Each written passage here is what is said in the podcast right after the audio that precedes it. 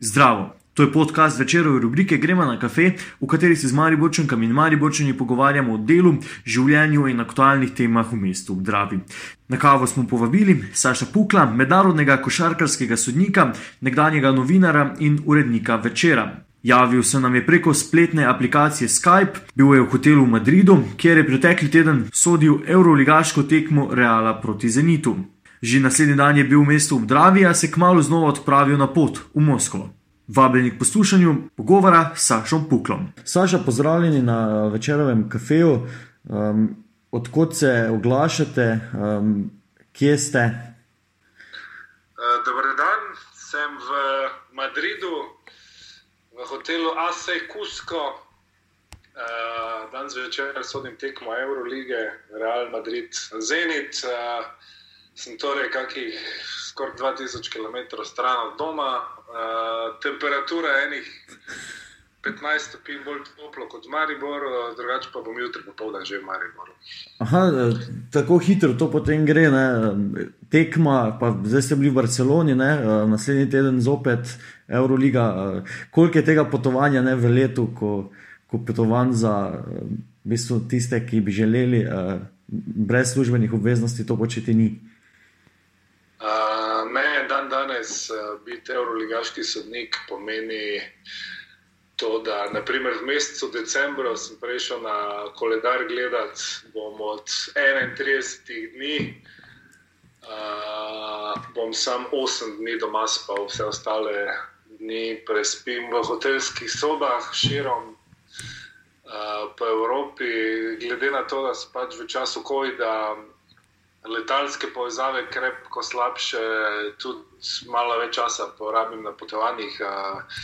Naprimer, v, zadnji, v zadnjem mesecu sem dvakrat moral prespati na Dunajskem letališču, zato ker smo imeli zjutraj letalo z Dunaja. Torej, krepko več potovanj in seveda s kako neko drugo službo, a, to ne bi več lahko kombinirati, oziroma zelo težko. Jaz sem to kombiniral do leta 2009, pol zadnjih 11 let, pa sem sam košarkarski sodnik. Omenili ste to impresivno številko, ne? samo 8 dni v decembru, tem mesecu družinskem. Kako kak vam to tako osebno uh, ustreza, ne? da je pač služba tudi zahtevna z tega vidika? Ja, mislim, začneva z pozitivno platjo. Uh, pozitivna stran tega je, da sem pa poleti tri pa pol mesece doma. Tako da me žena in otroci takrat cel čas gledajo, me imajo že preveč.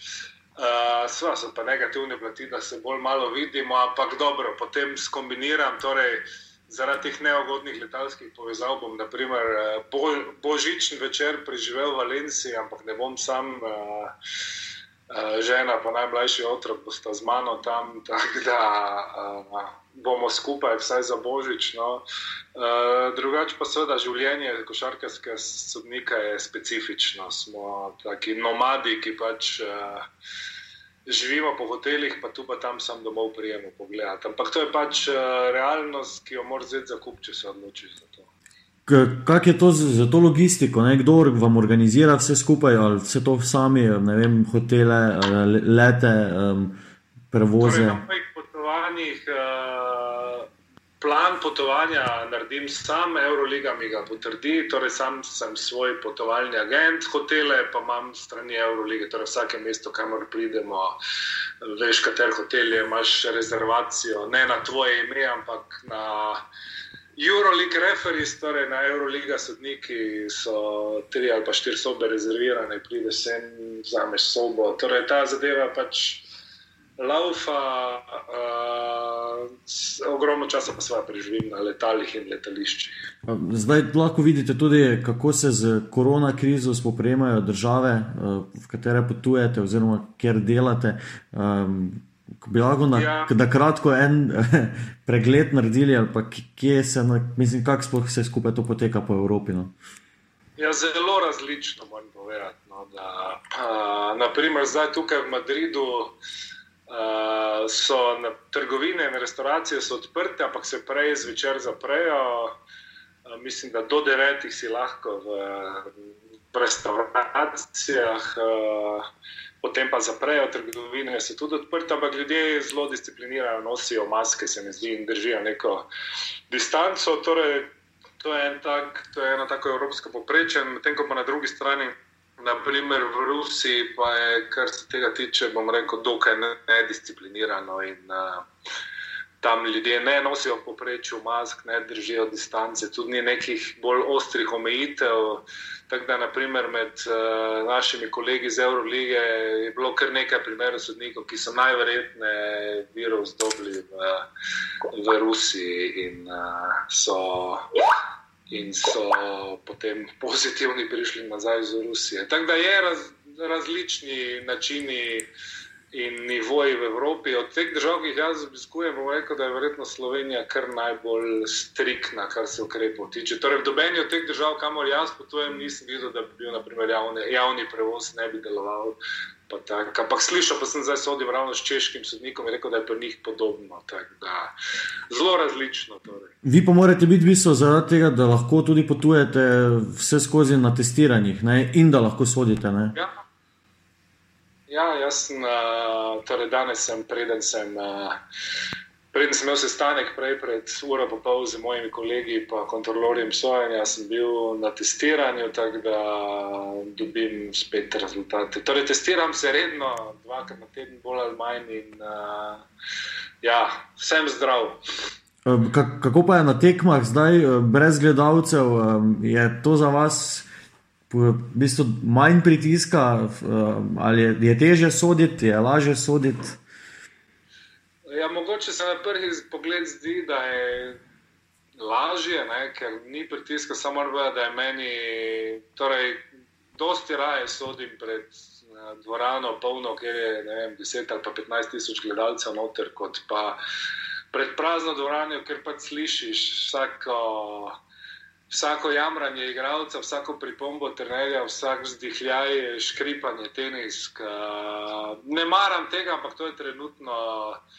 To je trenutno realnost evropske košarke. Mislim, da sam na tekmah CSK je trenutno v Euroligi sogle, je nekaj gledalcev, ne na ostalih tekmah pa ni, oziroma je tisto neko minimalno število pač nekih uradnih oseb, ne, tam 50 ljudi, včasih ne vem, da je mogoče 100 ljudi v dvorani.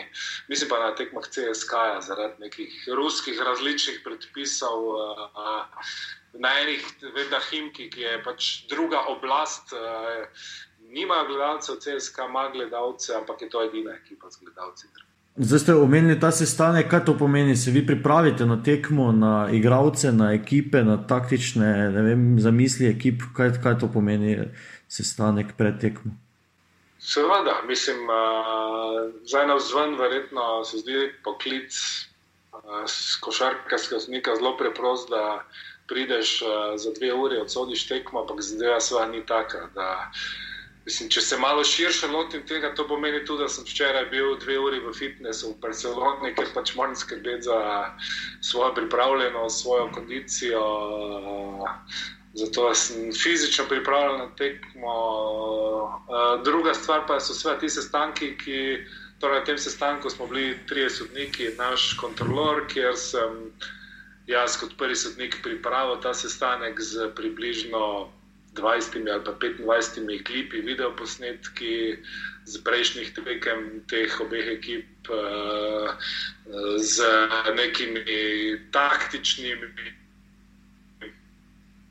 Uh, posebno ekip, z, posebn, z igravci, posameznimi, pa predvsem pa z nekimi trendi v sojenju, torej stvari, ki se pač ponavljajo, na katere nam posebej, ki jih posebej izpostavljajo v zadnjem času, najbolj se s temi zadevami posebej ukvarjamo.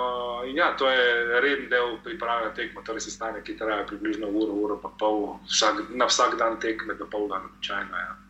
Sodite tudi uh, ne, slovenskim košarkarjem, ne, oziroma ste v teh letih eh, sodili slovenskim košarkarjem. Kako poteka komunikacija, mogoče z njimi takrat na terenu, je to v slovenščini ali je izključno vse v angleščini? Um, zdaj smo recimo videli v, v nogometu, da se, se snema pogovore sodnikov. Ste kaj pozorni na to, kako komunicirate tudi z košarkarji, ko ste na terenu? Absolutno sem pozoren, zato ker je pač to del moje službe. Torej, jaz se s slovenskimi košarkarji se pogovarjam slovensko. Ne, tak, mm -hmm. Čeprav mislim, da v preteklosti tudi bil kjer od njih, ki je probo srpsko z mano govoriti, ampak načeloma se z njimi uh, pogovarjam slovensko in ta komunikacija je normalna. Mislim, mislim, na terenu sem pač sodnik, oni so igravci, da več pa nekatere, večino od njih poznam odprej, eh, ne vem, s njim sodo, nekaterim kot mulcem, mladincem, kadetom in tako naprej. Nekatere sem kasneje spoznal, pač tako kot vsak odnos je specifičen, je tudi specifičen, verjetno vsak odnos sodnika. In, uh, in košarkarja. So pa, moram pa reči, da z veliko večino slovenskih košarkarjev imam zelo, zelo dober odnos in verjetno oni pač spoštujejo moje delo, cenijo, jaz pa seveda tudi njih in njihovo delo. Um. Kak, mislim, imate recimo nek spisek, pa ne vem, v mislih neke neugodne igralce in kakšne so recimo kakšne njihove hibe. Um, vemo, da zna biti kdo tudi predrzen ali kaj podobnega. Seveda, vsak igralec je, je specifičen. Zdaj, ravno o igralcih, ki trenutno igrajo Euroligo, ne morem govoriti. Ampak bom dal primer, evo, ker ravno danes sodim Realu, primer uh, igralca, ki je zdaj zapustil Real, pa lahko govorimo o njem, ker je šel v NBA, Campazzo, Argentinc. Tisti nizki, ne je to? Uh, zelo specifični igralec. Uh, skozi prva leta nekako smo se, bomo rekel, borila.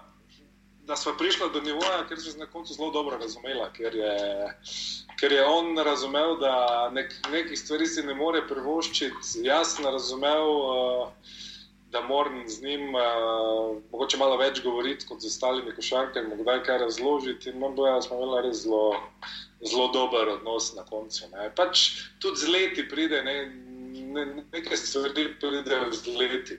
Moram povedati, da sem se, sva, tako sem se fizično, pa kako drugače tudi spremenil. Sem tudi tem pogledu odrastel, da mogoče zdaj nekatere stvari z vidika košarkarjev bolj razumem. Lažje se z njimi pogovarjam in več se z njimi pogovarjam, kot sem se pogovarjal pred desetimi ali petnajstimi leti. Ja. In to pomaga pri mojem svojem. Poma pomaga, okay, ker dosti krat ne vem, slišimo eh, tudi ne, pač, ne vem, odzive ljudi.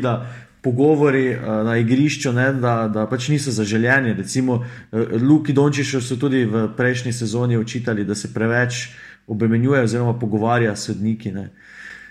Ja, mislim, da se razumemo, komunikacija je sestavni del košarkarske, pa tudi drugih iger. Jaz, ki spremljam mnogo med, ko vidim, uh, koliko se oni.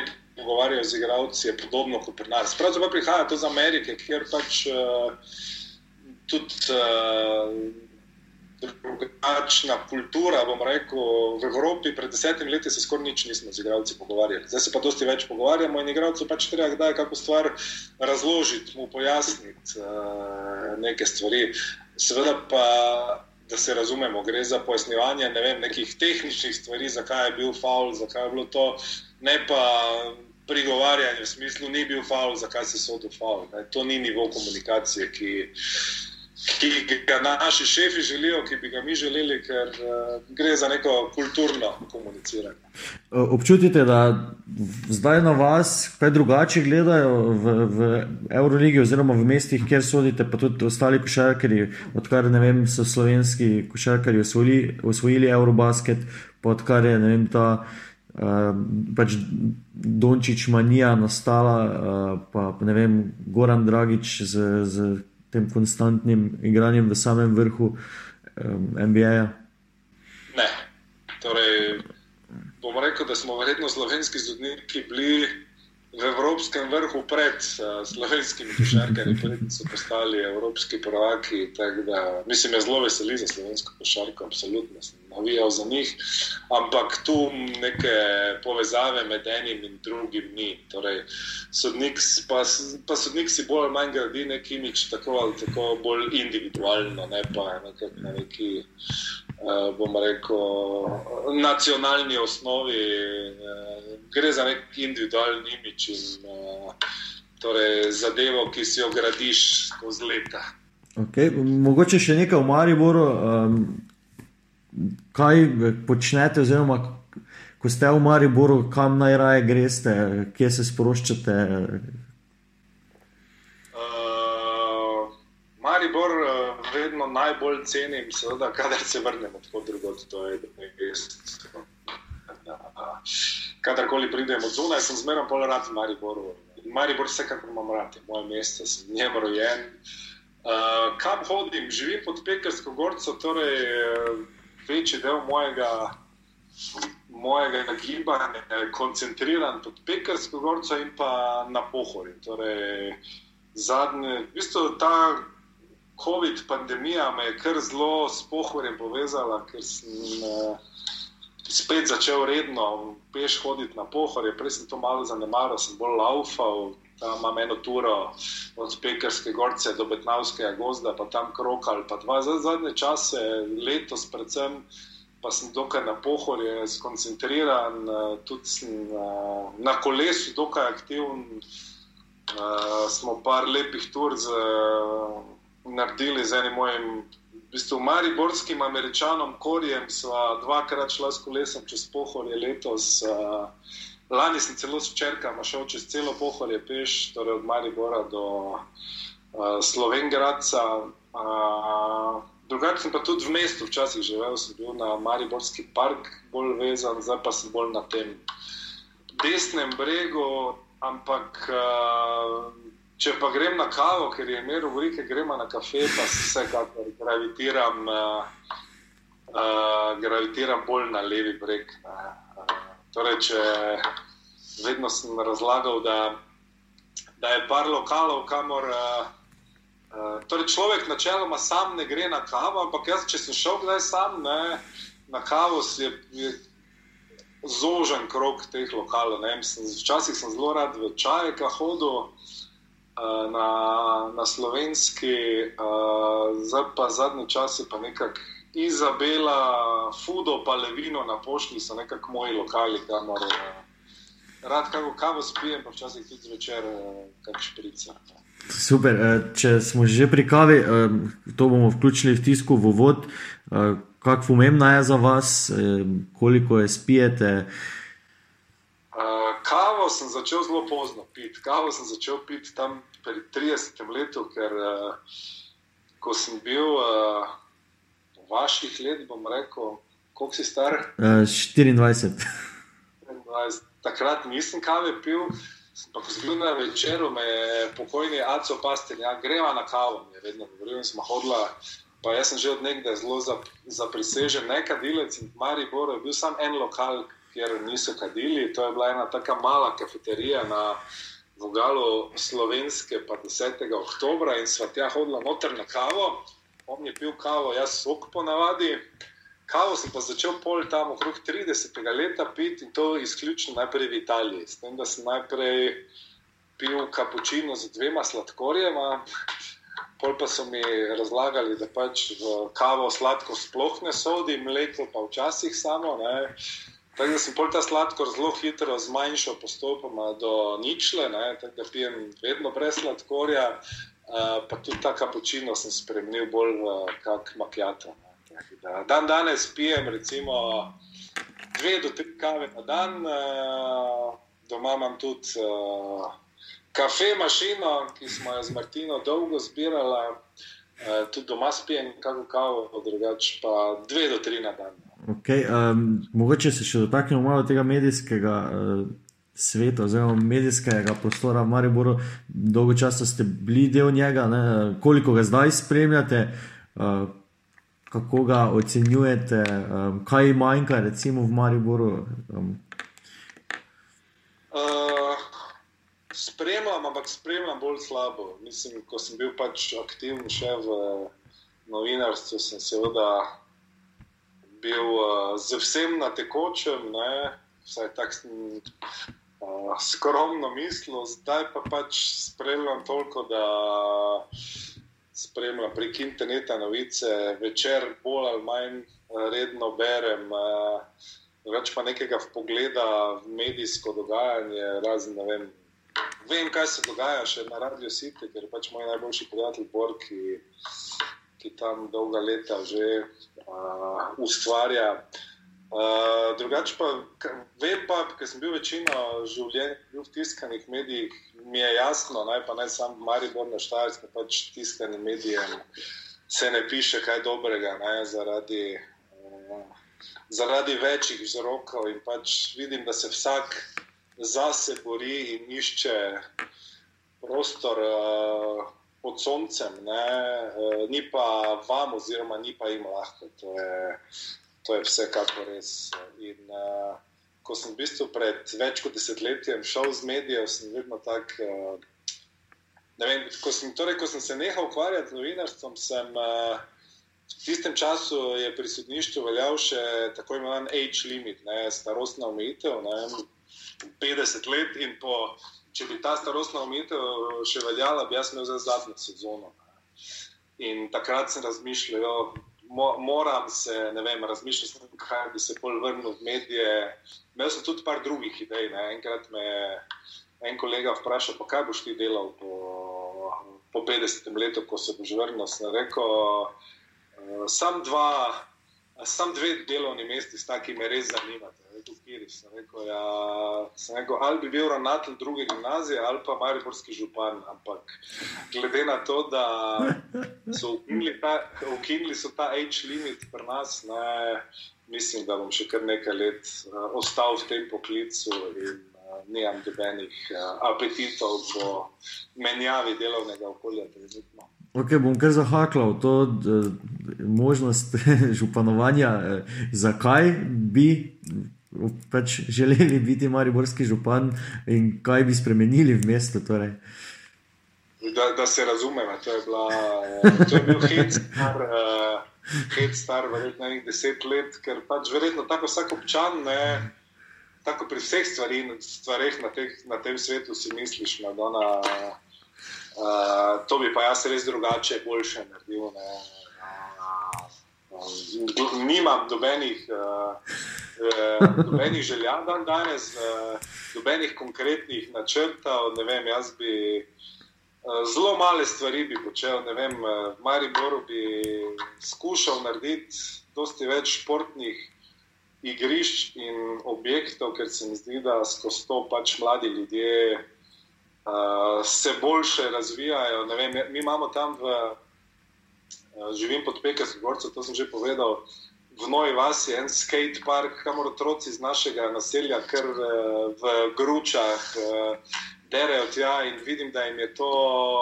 Da mi pravi užitek, več takih stvari bi moralo biti, Maribor. Vem, da se dogaja, vem, da se Saša Arsenovič tudi trudi.